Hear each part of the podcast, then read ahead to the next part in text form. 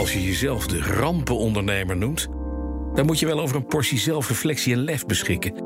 Dan ben je misschien wel een voorbeeld voor andere ondernemers die in de problemen zitten en de eenzaamheid van dat moment ervaren. Ondernemers in moeilijkheden. Misschien ben je er een, misschien ken je er een. Maar liever hebben we het daar in Nederland niet over. Dan zou je wel iets niet goed hebben gedaan, toch? Op dat moment kreeg ik dus een kruisje op mijn voorhoofd. Zo voelde ik dat. Ik Ja. voelde vooral zelf dat ik gefaald had. Tegelijkertijd had ik ook al een stemmetje in mijn achterhoofd. Van ja, Frank, je hebt er alles aan gedaan. Hier was niet tegen op te vechten. Tegenwind is taboe. Ga in deze aflevering met mij, Bas van Werven, mee naar Hengelo... waar ik aanschuif bij het zwembad van Frank Kraken. Het wordt een rampzalig, maar leerzaam gesprek. Is dit jouw werkomgeving? Ja, ik heb het eh, genoegen om hier eh, van alles en nog wat te doen. Ik heb hier mijn kantoor naast. Ehm, ik ontvang hier gasten. Ik schrijf hier boeken. Ik eh, werk op de computer. En af en toe dan ehm, doe ik even helemaal niks om na te denken. Dat hoort er ook bij. Heerlijk. Wat doe je? Wat ben je nog steeds ondernemer? Je, bent- je hebt Ja. een boek geschreven, De Rampondernemer. Overwinnen als alles tegenzit. Dit is jouw verhaal. En waar gebeurt, staat er met koeienletters op. Ja, autobiografie. Ja, een autobiografie. We gaan daar zo uitgebreid op in. Maar Ja. dit is nu je métier, het schrijven van boeken. Of heb je nog andere Dus dingen? je van, de drie, ja, de drie dingen. één van de drie, vier dingen die ik doe. Ik heb samen met een eh, tweetal compagnons een bedrijf dat heet De Hand van Maradona. En daarmee verkopen wij, ja, what's in the name? Mhm. Ja. Daarmee verkopen wij ehm, gesigneerde sportsmemorabilia. Mooi, even terug naar het begin. Want we hebben nu gezien wat je, wat je nu doet en hoe je hier zit. Mag ik dat een beetje beschrijven? We zitten aan een barretje. Ja. We kijken uit op jou, jouw inpandige zwembad, wat ook open kan als het lekker weer wordt. Het ziet er allemaal goed uit. Je hebt het goed voor elkaar. Nu wel. Dat Nu klopt. wel. Ja, Maar het was ooit anders. Begonnen als inkoper bij Weekamp. klopt. Je vloog de hele wereld over. Hè? Ja. Wat kocht je in? Eh, ik heb van alles ingekocht. Mhm. Eh, dat zijn eh, kleinmeubelen geweest, dat zijn slaapkamers geweest, sport- en fitnessapparatuur, cd's en boeken. En dat is een heel, heel traject geweest. Je begint als junior inkoper, assistent inkoper, junior inkoper, nou, vervolgens senior inkoper. Dus dat is prachtig om te doen. Aan de andere kant besefte ik, ja, er is meer in de wereld dan dit. Dus Mhm. dit is niet hoe het echt in elkaar zit. Want als ik geen orders meebreng, dan ben ik in één keer niet meer zo belangrijk en populair, et cetera. Dus ik heb gemeend, ik ga solliciteren. Ik wil de andere kant van de tafel ontdekken. Ik wil aan de verkoopkant aan het werk. En toen stond er een advertentie in de intermediair dat er een tuinmeubelfabriek was. Die zochten een commercieel manager. Ik denk dat moet Hartman zijn, want ik kende er maar één. Precies. In Enschede Ja. ook nog eens een keer. Dus ehm, een keurige brief geschreven dat het me een uitdaging leek om bij Hartman aan het werk te gaan. Maar wat schetste mij verbazing? Er was nog een tuinmeubelfabriek in Enschede. Dat, eh, die fabriek heette Unimeta. Nou, dat, ik, kom, ik ben een tukker, maar ik had er nog nooit van gehoord. Ik ook niet. En dat tekent ook een beetje de positie van die fabriek. Juist. Omzet van 40 miljoen. Dus eh, echt geen klein. eh 300 man aan het werk. Eh, drie voetbalvelden groot qua oppervlak. En Unimeta, alles van metaal. De naam zegt het al. Zij maakten daar. ehm, Aluminium en eh, stalen tuinmeubelen van frames met kussens. En die exporteerden ze vooral naar Duitsland en naar Engeland. Nou, Onder daar- de merknaam Unimeta. Klopt. Ja. ja. Er bleef eh, nul in eh, Nederland, geen, eh, geen eigen markt, dus alles export. Daar ben ik begonnen, aan de slag gegaan. Ik kreeg al snel de Engelse en Duitse markt onder mij. En ehm, ontzettend leerzaam. Vervolgens gaan uitbouwen. een, een, een luxe serie ontworpen, die we op de Nederlandse markt hebben geïntroduceerd. Preston heette dat. En dat waren meubelen van, van, van 300 euro voor een stoel. Dus echt het hoge segment. Ja, precies. Dure Ja, dingen. Ja. Gemaakt in Enschede. Ehm, en daar bouwde onder andere in Amerika een prachtig marktaandeel mee. Ik ben daar echt begonnen met een koffertje met een stoel erin. Dwars door Amerika gereisd. Van Eh, dit kunnen we leveren. Het kost dit, dit hebben we. eh, dit doet Top het. of the line tuinmeubelen. Exact. Aan beurzen meegedaan in Amerika. En uiteindelijk eh, in 2005 deden we een miljoen of twee. Dus dat, dat ging hartstikke mooi. Eh, toen ik er een jaar of zes werkte bij Unimeta. Inmiddels was ik commercieel directeur geworden. eh, ging de algemeen directeur weg. En kreeg ik de kans om, de leiding, eh, om leiding te mogen geven aan het hele bedrijf. Juist. De aandeelhouder destijds die, gaf mij dat vertrouwen. Ik was 31, dus relatief jong. Nou. En daar begint eigenlijk het verhaal van de rampondernemer. Want ik was nog geen half jaar in dienst. Of eh, de vuurwerkramp van Enschede vond plaats. Ja, en dat had direct betrekking op je bedrijf? Ja, want ons magazijn lag op eh, nog geen 10, 15 meter afstand. Dat meen je. Dus op 13 mei 2000, midden in het tuinmeubelseizoen, het uitlevenseizoen, vloog dat magazijn de lucht in. We kennen de beelden allemaal Ja, van met wat voor klap dat ging. Gelukkig waren onze mensen daar net weg. Dus het eh, persoonlijk leed is ons daar bespaard gebleven. Maar we hadden geen voorraad meer midden in het seizoen. En dat betekende dat we die maand, het was op een zaterdag, die maandag kregen we allerlei klanten uh, aan de lijn. Uit Duitsland, uit Engeland. En uh, die Duitsers die, die, die gaan dan op de achterste poot, want niet iedereen wist wat er aan de hand was. Precies. En, oh, blijkt mij naar waren. Juist. Je ja, moet me beleveren, het is er niet. Ja? Ik, ik, heb het niet. Nou, voor jou tien anderen. Dus dat heeft ons, wij waren na Grols degene met de grootste schade. Mm -hmm. 6,5 miljoen euro omgerekend. Ja. We zijn klanten kwijtgeraakt die we nooit meer terug hebben gekregen. Dus dat was een enorme klap. Nou, en dan haal het maar eens elders vandaan. Ja. Um, en daar kom ik terug op het Amerikaanse verhaal. We waren zeer succesvol in Amerika. En we dachten van die 2 miljoen wel 4 miljoen te kunnen maken. Uh, alle alles wees erop, de tekenen waren erna. Ze hadden dat seizoen goed verkocht. En mijn collega's die bouwden daar de beurs op in Chicago. Waar we ieder jaar um, op een tuinmeubelbeurs stonden in de merchandise markt. En die belden en zei: Frank, het is wel allemaal top van elkaar. En ik ging er altijd naartoe om mee te helpen verkopen, ja, ja. orders te schrijven. Dus ik hoefde alleen maar met mijn orderblok in de aanslag daar um, die orders op papier zien te krijgen. Hm. Nou, veel klanten waren uitverkocht, wilden dubbele bestellen. We hadden een catalogusbedrijf, een postorderbedrijf, à la Wekamp, maar dan in Amerika. Maar dan groot dus. Heel groot. Die leefde aan de, uh, de Happy Few, de rijken van Amerika. Mm -hmm. Die wilden een aantal pagina's verdubbelen. Dus we waren echt helemaal klaar om die 4 miljoen ja. op papier te krijgen. Boom, komt deze klap. Toen zat ik in het vliegtuig en toen zei de piloot: we gaan uitwijken naar een andere luchthaven dan Chicago. En weer een uur later meldde hij dat hij een noodlanding ging uitvoeren. En dat we niet moesten schrikken als er kerosine langs de raampjes liep. Um, en uiteindelijk kwam ik in Newfoundland terecht, in St. John. Niet wetende wat er aan de hand was. Daar hebben we acht uur op de landingsbaan gestaan, wij naast het toestel. Toen mochten we door de douane Canada in, want we waren op Canadees grondgebied. En toen pas bleek dat het 9-11 was. En dat wij in de lucht hingen tijdens de aanslagen. Jeetje.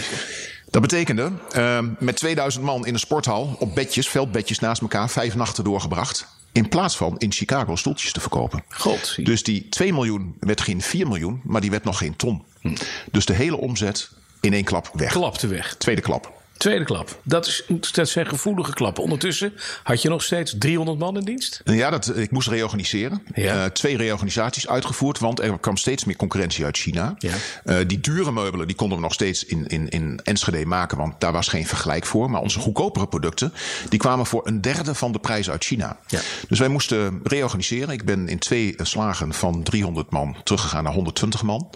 Uh, dus zware tijden. Deze twee klappen er overheen.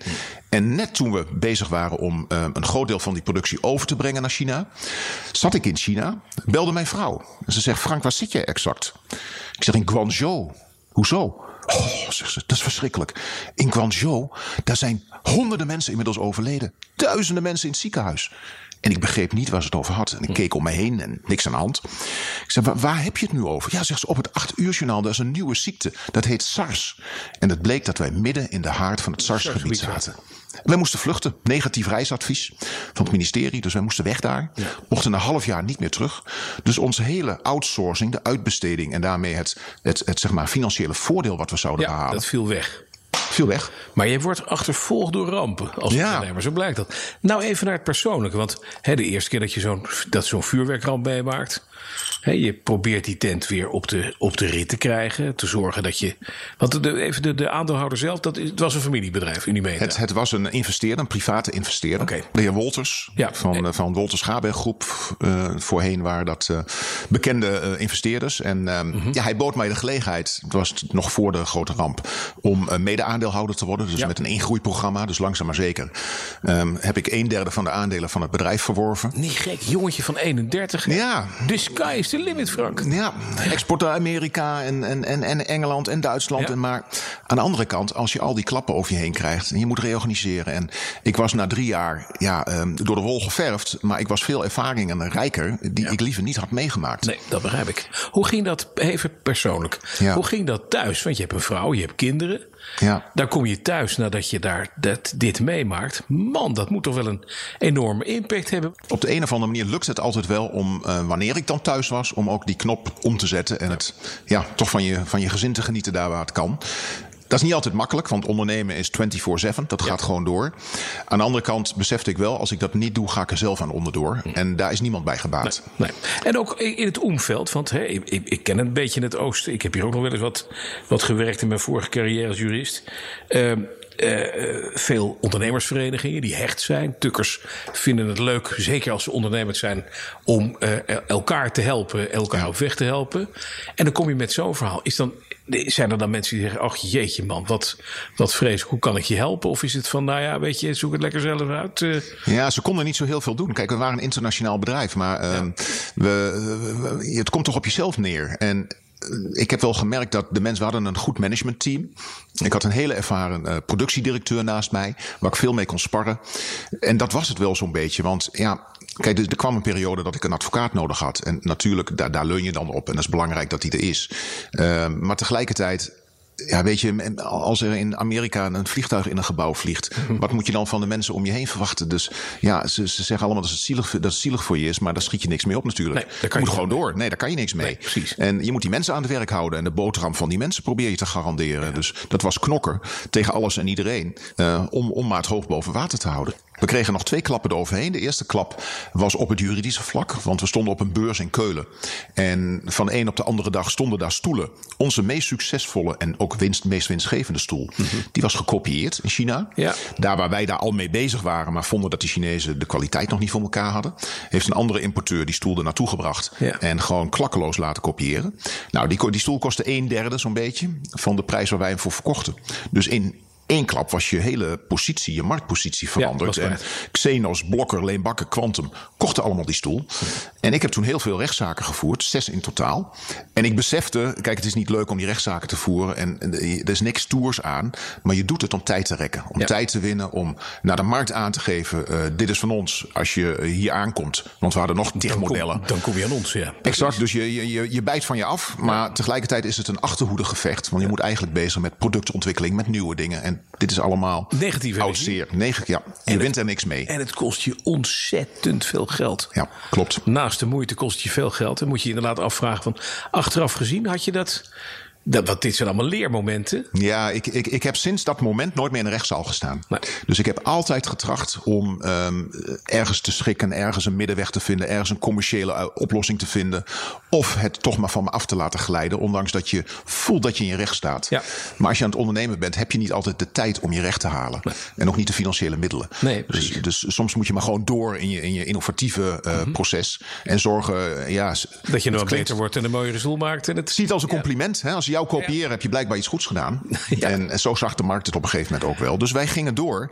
Maar toen kwam de laatste klap. En dat was, wij zaten in China bij een enorme mooie fabriek. Ze produceerden voor Costco, Walmart, Kmart, Target, alle grote Amerikaanse klanten 250 miljoen omzet. En ze maakten onze stoelen voor een hele scherpe prijs. Mm -hmm. Waren we hartstikke blij mee, kwalitatief goed.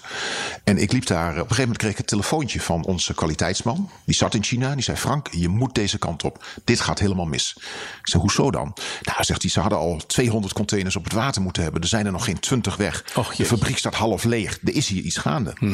Ik heb toen eerst nog een paar keer gebeld met de eigenaar van de fabriek. Een Taiwanese was dat, Steve Lin. Um, maar ik kreeg alleen maar fabeltjes. En ik, ik voelde dat ik bij, me, bij, bij mijn neus werd genomen. Uh, ik ben er naartoe gegaan. Zo werkt dat een beetje in hiërarchie China met mijn slaapzak bij mij. En ik ben pontificaal daar het kantoor binnengelopen. Heb mijn slaapzak op zijn bureau gezet van die directeur ja. Steve. En gezegd, Steve, ik ga niet weer weg voordat ik weet wat hier aan de hand is. Nou, hij heeft hemel en aarde bewogen om mij in een hotel te krijgen. Zei, nee, ik slaap hier met onze jongens gewoon. We hadden daar kleine huisjes op het fabrieksterrein. Um, met, met jullie staf. En um, er is hier iets gaande. En ik kom er wel achter. Als je het me nu niet vertelt. Hij zei niks. Binnen twee dagen zat ik opnieuw bij hem. En toen had ik het wel gezien in de fabriek. Overal lagen porties halffabrikaat. Maar ze konden niet doordraaien. Er was een gebrek aan aanvoer aan grondstoffen. Juist. Dat duidt op een financieel probleem. Ja. Uh, dus toen ben ik met hem gaan niet zitten. Niet meer beleverd. Niet meer... Exact. Ja. Zouden ze zwaar gewoon out, out of cash. Uh, ja, precies. Ja. Dus toen ben ik met hem gaan zitten en toen kwam het hoge woord eruit. Ja. En om een lang verhaal kort te maken, een week later waren zij failliet. Jeetje zeg, sta dus dan praat ik over 2004. Mm. De bomen groeiden tot in de hemel in China. Ik had nog nooit gehoord van een faillissement in China. Ja. Hoe gaat dat? Hoe werkt dat? Ja. Tot onze kwaliteitsman mij opnieuw belde. Zei Frank uh, op een ochtend, ze zijn allemaal weg. Zei, hoe bedoel je, ze zijn allemaal, allemaal weg? Ja, die 60 man uit Taiwan, die hier de staf en, en de directie zijn, die zijn gevlucht. Die zijn, Steve had een green card voor Amerika. Uh, ze waren terug naar Hongkong, naar, naar, naar Taiwan. Dus ze hadden allemaal zoiets van, ja, als wij als kapitalistische Taiwanese in het communistische China uh, een bedrijf failliet laten gaan, wat gebeurt er dan met ons? Dus ze zijn gevlucht. En uh, dezelfde dag nog was de fabriek op slot, failliet. En stonden wij met de handen in het haar. Ja, met 20 containers, waarvan ook nog betwist is van wie is het? Exact, die waren onderweg. De curator die er bovenop gaat zitten. 200 containers die niet geleverd waren. Waar onze klanten, het was inmiddels februari. Dus onze klanten die vroegen waar blijft die handel? Dus toen hebben we een noodplan um, gemaakt. Ik ben naar de bank gegaan. Ik moest steun van de bank hebben. Um, ik moest steun van mijn klanten hebben. Ik ben naar al mijn klanten toe gegaan in Amerika, in Europa. Ik heb een roadtrip gedaan van een maand lang zo'n beetje. En tegelijkertijd in China hebben we een alternatieve leverancier. Waar we al zaken mee deden. Volledig opgetuigd. Nou, die wilde heel graag die productie overnemen. En in plaats van dat we uh, de spullen in uh, februari in de tuinmeubelshowrooms, bij de tuincentra, uh, bij, bij de speciaalzaken neer konden zetten, bij de blokkers van deze wereld, werd dat april, begin mei, was de planning. Vrij snel. Heel snel, dat was een Martelaar. hell of a job. Nou, op dat moment dachten we nog op tijd. Want um, onze klanten, 95% daarvan, zei van... oké, okay, we begrijpen, dit is, overmacht. Hier kunnen jullie niks, niets aan doen. Ja. Um, het um, trek jullie omver als we nu onze orders intrekken. Dus ga je gang. Maar toen was het eind april. En toen kwamen die containers aan in Rotterdam. En toen belde onze logistieke man met onze klanten. En inmiddels um, had het geloof ik twee maanden achter elkaar geregend, gesneeuwd. Daar waar normaal met de Pasen de zon aan de hemel staat en de mensen gaan fietsen, lag er nu ijs op de vijvers. Dus um, die klanten die hadden de uh, portemonnee leeg het magazijn vol. En ze zeiden: Frank, volgend seizoen ben jij de eerste. Maar wij kunnen jullie Nu spullen niet. nu niet gebruiken. Jeetje. Gevolg 2 miljoen aan handel die in die containers zat. Moest ik op voorraad nemen, kon ik niet uitleveren. En een derde verliesjaar op rij. En toen zei de bank in uh, mei, juni van... Uh, hou er rekening mee, wij gaan jullie krediet niet verlengen. Zoek maar een alternatief, maar wij doen het niet. Nou, en dan breekt dus een periode aan... waarbij je weet van de kans dat het misgaat is aanzienlijk. Dit wordt tricky, dit wordt lastig. En ik moet zeggen, achteraf is misschien wel de allerbeste beslissing die ik heb genomen. Is om een um, curator te bellen, waarvan ik wist, een, een, een, advocaat die regelmatig als curator optrad. Die heb ik gebeld en gezegd, uh, Wim Haafkes heet die. Wim, ik heb je hulp nodig. Nou, we hebben een kop koffie gedronken, ik heb het verhaal uitgelegd. En ik heb hem gevraagd, wil jij gewoon beschikbaar zijn en op de momenten die ertoe doen, naast mij komen zitten als, als vertegenwoordiger en belangenbehartiger van Unimeta, maar ook van mij persoonlijk, want ik heb een bestuurdersaansprakelijkheid. Ja. Ik ga nu een traject in waarvan ik weet dat de bank het krediet niet wil verlengen. Tegelijkertijd ben ik met andere banken en potentiële financiers in gesprek. Dus er is nog hoop. Maar ik kom wel in, op een hellend vlak. Dit is een grijs gebied.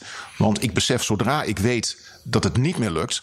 Ja, en ik plaats dan een orde ergens die ik niet kan nakomen, die ik niet kan betalen. Ja, dan ben ik in overtreding. Dat zou wanbeheer kunnen zijn. Daar kan je op afgerekend worden. En hoofdelijk aansprakelijk voor worden gehouden. Exact. En dat is wilde ik natuurlijk lastig. Dat wilde je niet. Want Nee. dan kan je persoonlijk failliet gaan. En dan ben je helemaal... eh, dan hadden we niet bij het zwembad gezeten. Exact. Ja, dan had ik nu voor de bank gewerkt. Ik heb drie jaar bij bijzonder beheer gezeten. Dat is heel lang. Normaal gesproken hou je het anderhalf, twee jaar dan vol en dan is het gebeurd. Ja. Of je bent gezond of uh, Ja. uh, je bestaat niet meer. Ja. Maar er was bij ons, omdat we een, een, technologische ontwikkeling hadden die, uh, s- die heel erg succesvol leek te zijn en ook is gebleken, um, hebben ze ons nog een jaar extra gegeven. Mhm. Zij hebben dat heel nauwgezet begeleid, heel open gecommuniceerd. Um, er waren hele snelle beslissingen mogelijk. Ik hoor ook verhalen van ondernemers die achteraf zeggen: Nou, kan ik niet bij jullie blijven bij bijzonder beheer? Want nu heb ik tenminste één man. eh, ik bel hem en ik weet of het eh, eh, ja of nee is. Ja. Dus het heeft ook voordelen. Ik kan hun niets verwijten. Uiteindelijk is Unimeta failliet gegaan omdat het businessmodel van productie van arbeidsintensieve uh, massaproducten in West-Europa, Ja, dat businessmodel was over. Ja. En of nu de ING, de Rabo of de ABN of welke bank dan ook aan het roer had gezeten, ze hadden allemaal dezelfde beslissing genomen. Dit, maar dit is achteraf. Dit is een beetje de koele Ja. kont kijken. Dit, dit weet je nu. Op dat moment heb je nog geprobeerd heel erg om je productie elders uit te besteden. Je loonkosten omlaag te krijgen. Je productiekosten naar beneden te brengen. Dat proces in de grip te houden. Wanneer kwam het besef dat dit businessmodel eigenlijk gewoon niet meer ging? Was dat voor of nadat de bank de stekker eruit trok? Nou, dat, Eerlijk. dat- ja, dat, dat, dat, dat sluimert. Ehm, kijk, zoete broodjes worden niet gebakken. Ik besefte heel goed dat zo'n fabriek van drie voetbalvelden groot, 120 man op je loonlijst, een seizoensbedrijf waarbij 80% van de omzet in drie maanden wordt gefactureerd, Ja. dat zijn niet de ideale omstandigheden om dan in Nederland te zitten. Nee. Dat weet je, maar dat, dat zijn basisvoorwaarden, daar kan je niet omheen. Desondanks hadden we toch goede hoop dat we het zouden redden. En als niet al die rampen elkaar hadden opgevolgd, waardoor we ook financieel gewoon onder zware druk kwamen te staan. Dan had je nog wel gered. Hadden we het misschien nog vijf, zes jaar verder volgehouden. Ik denk dat we uiteindelijk toch omver waren gevallen. Ehm, maar ja, dat, dat zinkt wel in je achterhoofd. Ik heb toen de beslissing genomen, ik ga het tot het einde toe volhouden. Ik blijf op de brug staan als kapitein. Ik ga niet eerder dit schip verlaten. Ik ga proberen het ehm, te redden. Uh, en dan zien we wel hoe ver we komen. Dus ik heb daar altijd goede hoop in gehouden opgehouden. Alleen uiteindelijk um, ja, word je dan door allerlei factoren om je heen, zie je dat het niet lukt. En daar heb ik ook ontzettend veel van geleerd. Want we zaten in een hoek waar de klappen vielen. En ik had geen kans om uit die hoek te komen. En dat heeft alles te maken met de inflexibiliteit van je onderneming. We waren zo inflexibel als de pest. Dus in mijn start-up na de tijd, hè, toen alles achter de rug was, heb ik gezorgd dat ik dat wel inbouwde. Maar dan kun je het van scratch af aandoen. Dus dan heb je keus. Nu had ik geen keus. Nee, je had nu die drie voetbalvelden, je had die 120 man. Maar je zei, we hebben ook. Ik heb ook massaomslag aangevraagd. Ik moet ook met, met, met bonden neem ik aan. Ja, ik heb met eh, vakbonden, met de OR, met advocaten, met ondernemingsraad. Met alles wat daarbij komt, heb ik tot twee keer toe om tafel gezeten. Het Nederlandse ehm, systeem is dan niet erg pro ondernemergericht. Dat, uh, dat kan, kun je geruststellen. Uh, na de tweede reorganisatie was ons laatste restje eigen vermogen uit het bedrijf gezogen. En daar waren de bonden ook nog eens een keer heel trots op.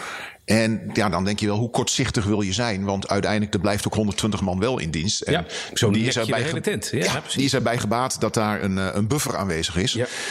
Um, maar dat is de Nederlandse situatie. En daar heb je mee te kampen. En ja, dat betekent dat je, uh, dat je gewoon minder flexibel bent dan je zou willen zijn. Even nog naar dat persoonlijke pak ik even op. Want ook in het ontslagverhaal, je had een persoonlijke assistent, Marion.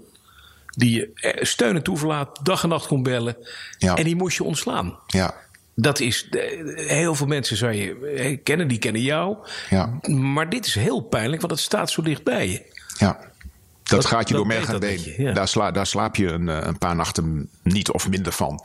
Um, de grootste fout die ik heb gemaakt is tijdens het ontwikkelen van de plannen voor die reorganisatie wist ik al dat haar baan niet langer eh, gehandhaafd kon blijven.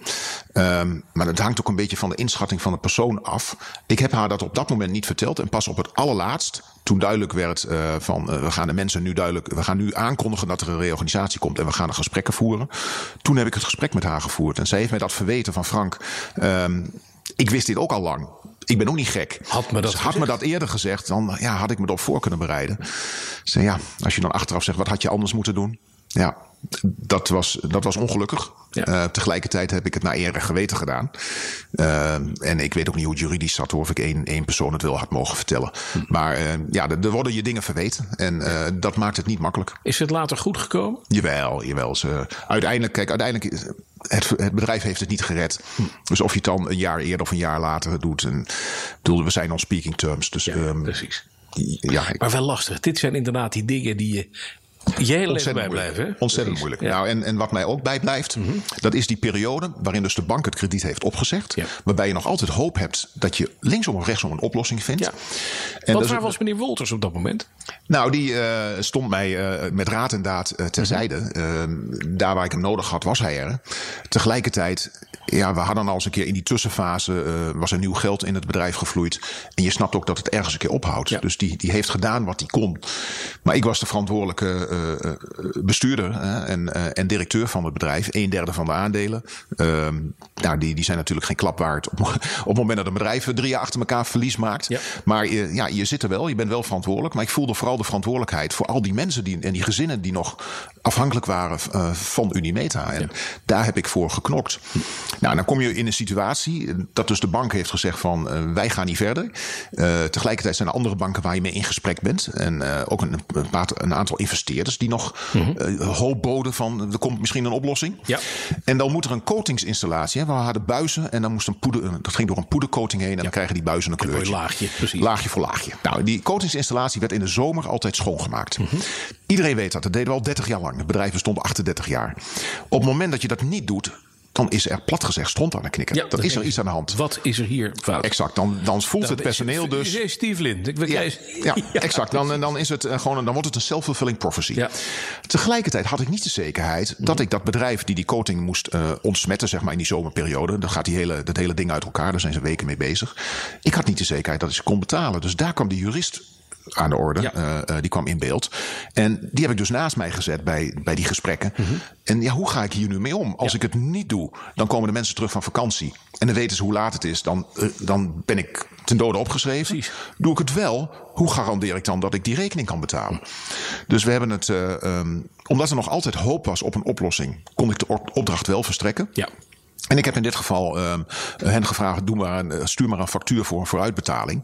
Uh, om op die manier in ieder geval het leed te verzachten, mocht het niet helemaal goed gaan. Ja, toch komt er een moment waarop de bank zegt: hè, na drie jaar bijzonder beheer, inderdaad knap, de sterker gaat eruit. Ja. Het gaat het gaat gewoon niet lukken. Klopt. Frank, je bent een topper. Uh, Unimeta, je hebt klap na klap na klap gehad. Dit is eindig.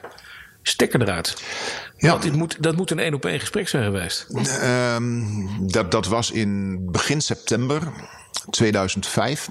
En um, dat was een gesprek waarbij weer die advocaat naast mij zat. Waarbij de uh, productiedirecteur erbij zat. Telefonisch uh, op de speaker. Mm. En het werd duidelijk, zij zeiden van... Uh, want ze deden nog steeds wat betalingen om de boel gaande te houden. Omdat wij nog met de oplossing bezig waren. Mm. En toen gaven ze aan, ja, maar wij gaan, wij gaan de salarissen niet meer betalen van, van deze maand. Nou, dan weet je, 22 of 23 september moeten die salarissen eruit. En ik geloof dat ze een week of tien dagen voor de tijd gaven ze dat aan. Ja. Dus ja, en toen de dagen erna haakte de ING af waar we mee in gesprek waren. De Rabo haakte af. De private investeerders haakten één voor één af. Dus er kwam gewoon een, een situatie dat het gewoon een paar dagen voor de tijd was mij duidelijk van het lukt niet meer. Nou, en dan, dan moet je heel rationeel blijven, want er moet een aanvraag gedaan worden naar de rechtbank toe. Um, je gaat voor jezelf na van ja, als het eenmaal zover is, is er kans op een doorstart. Nou, wij hadden met ons managementteam in de maanden daarvoor een plan B ontwikkeld voor het geval we het niet zouden redden. Ja. Dus daar hebben we vol op gezinspeeld met, een, met Inbus uh, als nieuwe investeerder. En uh, daar hebben we gesprekken mee gevoerd en die steunen dat uh, volledig. Dus ja, dan maar plan B en dan zouden we met een man of 40 doorgaan. Ja. Maar dat is niet gebeurd uiteindelijk. Nee. Maar wat doet het? Want het, ja, je begint eerst op je 31ste. Ja. je wordt, je wordt voor een derde ja. aandeelhouder. De wereld ziet er fantastisch uit. Ja. Daar komt Frank. En hoppakee, de ene klap na de andere. En een aantal jaren later staat die tent op te klappen. Wat moet dat doen met je? Ik was 37. en op dat moment. Na zes jaar gebeurde dit. Ja. en op dat moment kreeg ik dus een kruisje op mijn voorhoofd. Ja. Zo voelde ik dat. Ik voelde vooral zelf Failliet. dat ik gefaald had. Tegelijkertijd had ik ook al een stemmetje in mijn achterhoofd. Van, ja, Frank, je hebt er alles aan gedaan. Je bent niet voor de problematiek weggelopen. Je hebt tot het laatst toe ben je gebleven. Je hebt gevochten. Uh, je hebt gereorganiseerd. Je hebt werkelijk alles gedaan uh, wat er maar te doen viel. Hier was niet tegen op te vechten. Nee. Dus ik had ook wel uh, al heel snel zoiets van ja, wat de mensen ervan denken en zeggen en vinden, dat moeten ze maar doen. Ja. Dat zal me eigenlijk een zorg zijn. Ik heb gedaan wat ik kon en daarmee basta. Ja. Dat klinkt op zich heel goed. Hè? Dat je zegt, Ja. van, nou, dan, gaan we, dan zijn we die drie voetbalvelden kwijt. En die schuren zijn weg. En die mensen zijn weg. En Ja. we doen een doorstart. En dat lukte niet. Waarom niet? Dat plan B dat behelste ehm, eh, productie in China. Assemblage in Engeland. Want Engeland, dat was ongeveer 60% van onze afzetmarkt. Ja, ja. Ehm, en dat zouden dan met een verkoopteam, eh, met, met een inkoopteam, eh, met ontwikkelaars. Dus nog de kern van het bedrijf zou bewaard blijven. Ehm, daar hadden we de steun van een private investeerder. Ehm, of een investeringsfonds moet ik zeggen. Eh, daar stond iedereen, het managementteam stond daar vol achter. Het enige wat we nodig hadden waren de, de orders van de klanten.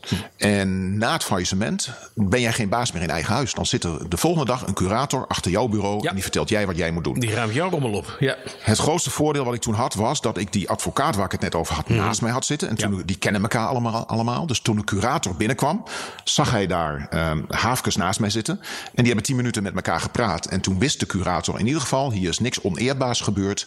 Dit is overmacht. Um, um, de stukken zijn in orde. De jaarrekeningen zijn gedeponeerd. Dus hij kan eigenlijk al alle negatieve elementen gelijk afstrepen. Ja. En kan zich richten op, nou, hopelijk een redding van een deel van het bedrijf. Ja. Ehm, Dat is een daar mooie, dat is mooi. mooie basis. om daarmee precies Ja. naar een plan B te gaan. Daar is hij mee bezig gegaan. Ja. Maar de bank was pandhouder van zo'n beetje alles. Hm. En dan kom je toch in een situatie dat de curator volledig van de bank afhankelijk is. Die bank probeert zijn positie te bepalen. Wil natuurlijk zoveel mogelijk uh, terugverdienen. Uh, en zijn schade beperken. En snelheid was geboden. En dat kwam met elkaar in het gedrang. Hm. En uiteindelijk was er een grote klant, Hagebouw. Uh, 300 bouwmarkten in uh, Heel Duitsland. De, een- de ene grootste ja. ja, in, Ja. In, in Duitsland, Ja, bouwmarktgebied. En um, die dreigde op een gegeven moment van, ja, dreigen is het verkeerde woord. Die gaf gewoon aan, het is nu begin oktober. Ik moet deze week zekerheid hebben over die doorstart. Ja. Want anders ga ik mijn orders elders plaatsen. Want volgend jaar februari moet ik geleverd krijgen. Precies. En als jullie het niet Moeten kunnen. de stoelen staan. Aan Ja. die kant is jammer voor je. Ja. En dat kregen we niet rond. Dat duurde te lang. Ach, dus jeetje. ik moest uiteindelijk op een vrijdagochtend aan eh Hagebouw aangeven. Sorry, we hebben meer tijd nodig. En binnen een uur kreeg ik een officiële fax van ze. Eh, toen hadden we nog faxen. Dan hoef waarin ze zeiden. We eh, trekken alle orders in. Eh, wij doen niet langer mee. Dat moest ik melden aan de investeerder. En toen zei de investeerder Inbus eh ook van ja, dan komt de hele omzet eh, gaat aan het glijden. Dan komt ons businessplan in gevaar. Dan moeten wij ook helaas eh, ons bord intrekken wat bij de curator ligt. En dan is het echt, dat is echt je laatste Toen werd het zwart voor mijn valt gewoon dicht. Dat gebeurde op één dag. En toen heb ik een, een lang weekend nodig gehad, tot, tot dinsdag, woensdag, de week erop, om weer adem te halen. Ja. Om mijn laatste hoop, die eh, ja, eigenlijk als sneeuw voor de zon verdween, om, ja, om daar toch overheen te gaan. Maar dat is me uiteindelijk wonderwel gelukt. Eh, Maar ik voelde me toen zo ellendig, want hè, op het moment Nou, dat je failliet gaat. Je gaat. Want je probeert alles. Hè? Daar, Je hebt er niets aan gelegen laten liggen. Is dat goed Nederlands? Bijna. Eh, om dit, om dit het, het tot een goed einde te brengen. En Ja. nadat je inderdaad van die, van die 24 uur die een mens heeft in zijn dag 18 werkt permanent. En dan valt het doek op zo'n manier. Ja, dat moet devastating zijn. Ja, ik, eh, als ik naar de supermarkt ging, had ik het gevoel, dat is natuurlijk niet zo, maar dat iedereen je aanstaart. En je voelt het echt als een persoonlijke nederlaag. ehm, dat kruis op je voorhoofd. Je bent persona non grata voor je gevoel. Eh, dat bleek later trouwens ook waarheid te zijn hoor, bij, bij sommige klanten. Maar ehm, nee, je, je voelt je eh, zwaar belabberd. Nu we het erover hebben, ook bij personeel. Ja, ja, er zijn tot op de dag van vandaag nog altijd mensen die mij zullen verwijten dat het bedrijf failliet is gegaan. Ja, ik weet voor mezelf dat ik er alles aan heb gedaan. Ja. En daarmee is het klaar. Klaar. Nu ben je eh, een succesvol schrijver. Heb je dus een aantal, nog een aantal vingers in het, in het ondernemende. Nooit meer de ambitie gehad om weer eens zoiets te proberen. Een grote tent Jawel. ergens over te... Wel? Ja? Ja, nou, ik ben nadat plan B niet doorging, Ja. ehm, ontstond er een spontaan plan C. En dat is de reden waarom we hier nu eh, lekker rustig achterover kunnen zitten. Mhm. Want plan C dat hield in dat de totale productie in China plaatsvond. Maar dan alleen de producten waar we nou, genoeg winstmarge op hadden. Ja, ja. Geen Engeland meer, maar gewoon met. Ik ben met eh, vier, vijf collega's heb ik gevraagd bij het nieuwe bedrijf te komen. Ik ben een nieuw bedrijf begonnen, Bukachi genaamd. En Bukachi, dat, dat is Chinees voor graag gedaan. Dat klonk lekker en het lijkt, klinkt een beetje als het Italiaanse automerk. Ja. En toen, ik had het net over de barrières waar je voor staat in Nederland. Die grote fabriek, eh, al die mensen. Maar toen had ik, was ik dat kwijt en had ik maar vier, vijf mensen. Ik had twee verkopers. eh, iemand die de administratie en de procedures intern verzorgde. ehm, en een goede Chinese dame die in China eh, de boel kon begeleiden. En met vier, vijf mensen zijn we opnieuw begonnen. Ja. En ja, al die ballast ben je kwijt. En dan begin je heel klein. Je, je, je hoeft ook niet zoveel omzet te doen, want je kosten zijn laag. En dat heb ik langzaam maar zeker weer uitgebouwd. En vijf, zes jaar later was het omzetniveau lag al op de helft van Unimeta.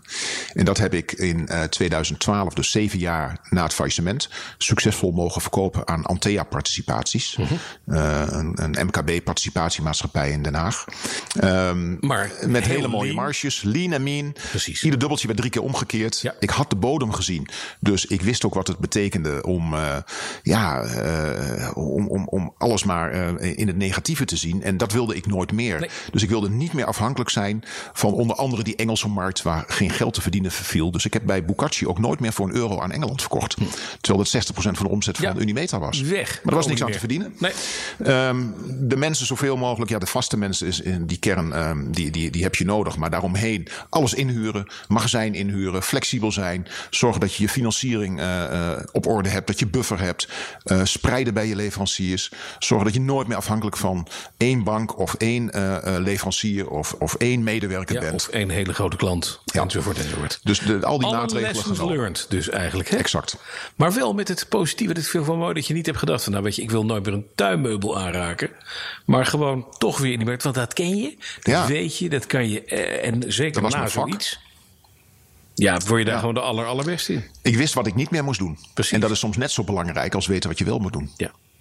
Dat is het, hè? In de Ja. beperking herkent zich de meester. Ja. Zeggen ze altijd al. Goethe was dat, hè? In de beschränkung zeigt zich de meester. Ja, absoluut. Het was van Goethe. Ja. Hadden we maar allemaal zo'n tegeltje in de boardroom. Ja, dat zou ja. wellicht helpen. Had ik maar twintig jaar eerder geweten wat ik nu wist. Hè? Ja, maar daar moet je eerst dit proces voor door. Heeft het je gesterkt als mens? Ja, ik ben daar sterk uitgekomen. Ja. Ehm, ik, eh, kijk, ik, heb, ik moet erbij zeggen, ik heb één geluk gehad. Hè. Mijn vrouw heeft mij altijd gesteund. Mhm. Ja. Tot op de dag van vandaag. En ik heb altijd het geluk gehad dat ik zelf en ook mijn gezin gezond eh, ben gebleven. Ja. Op het moment dat je wat overkomt, op het moment dat je een ziekelijk kind hebt, waardoor je veel thuis moet zijn. Hè, want in die zeven jaar waar we heel snel doorheen gaan van Bukatsi, heb ik eigenlijk meer in China ge- geleefd en gewerkt dan hier thuis. Mhm. Dus ik heb echt ehm, die, die 18 uur waar ik het over had, die maakte ik nog steeds. Alleen Maar met alleen heel veel plezier. Ja. Ja, dus de, ehm, tegelijkertijd, je, je, je werkt anders. En ehm, ik ben er bovenop gaan zitten. En dat is ook de reden geweest dat ik het verkocht heb. Ehm, op een gegeven moment kon het gewoon niet meer. Ik, ik zat eh, zes keer per jaar, een dag of 10, 15 in eh, China. Tegelijkertijd controleerde ik iedere factuur voordat die betaald werd. Want je wilt dat nooit weer. Dus je zit, zit als een bok op de havenkist. Ja. Maar als een bedrijf groeit, dan op een gegeven moment moet je toch gaan loslaten. En dat betekent meer risico's. En dat vond ik een mooi moment om het stokje aan een ander soort manager over te dragen. Heb je nu een leuker, rustiger leven? Rustiger zeker. Ja. Maar is het, het was ook leuk, denk ik. Nou, weet je, de kick van de scoren, dat is het mooiste wat er is als ondernemer. En dat, dat zie ik nu terug. Ik heb eh, van de laatste getuigen nu meer dan 40.000 boeken verkocht. Ja, en denk je, En yes. die, dat, dat is een wauw-moment. Laatste, laatste wat ik je vragen wil. De absolute gouden tip. Je hebt hem eigenlijk al helemaal mooi door deze podcast heen geweven. Ja. Wat moet je altijd doen als ondernemer? En wat moet je altijd laten? Het is eigenlijk een tweedelige. Oké. Nou, zorg dat je flexibel bent. Zorg voor een plan B met alles wat je doet. Eh, pin je niet vast op één ehm, idee, één plan. Zorg dat je het kunt bijstellen. Maar zorg ook dat je kostenstructuur en, en je fysieke structuur zodanig is dat je in staat bent dat aan te passen. Laat je niet in de hoek zetten. Dat is het allerbelangrijkste. Die flexibiliteit. Ik zal er in de toekomst tot het moment dat ik in de kist lig ervoor zorgen dat ik flexibel blijf. Hè, en natuurlijk op een gegeven moment, eh, fysiek kan je, eh, houdt het ergens een keer op. Maar puur als ondernemer zijnde, flexibiliteit is goud waard. Precies. Een is- hybride model, honderd keer beter dan iets wat heel groot is waar je totaal in vastgeroest bent. Eh, en, en dus zorg dat je die flexibiliteit houdt, want dat is goud waard. Duidelijk. En ehm, ja, wat ik absoluut niet meer zou doen, Nou ja, is inflexibel zijn, denk ik. en daarmee heel veel mensen op de payroll. Bewegingsvrijheid als ondernemer is goud waard. Ja, hoeveel tegenslag kan je hebben en hoe veerkrachtig is een mens? Een onwaarschijnlijk, maar ook inspirerend verhaal wat mij betreft. Zit je nou zelf in de moeilijkheden? Luister dan ook naar de adviescast in deze serie. Boordevol concrete tips en luister ook anders naar de andere afleveringen... waarin ondernemers hun ervaringen delen. En die zijn telkens anders. Doe er je voordeel mee. Meer over deze podcastserie kun je vinden op bnr.nl slash ondernemerstaboe. Mede mogelijk gemaakt door KVK. KVK werkt voor ondernemers.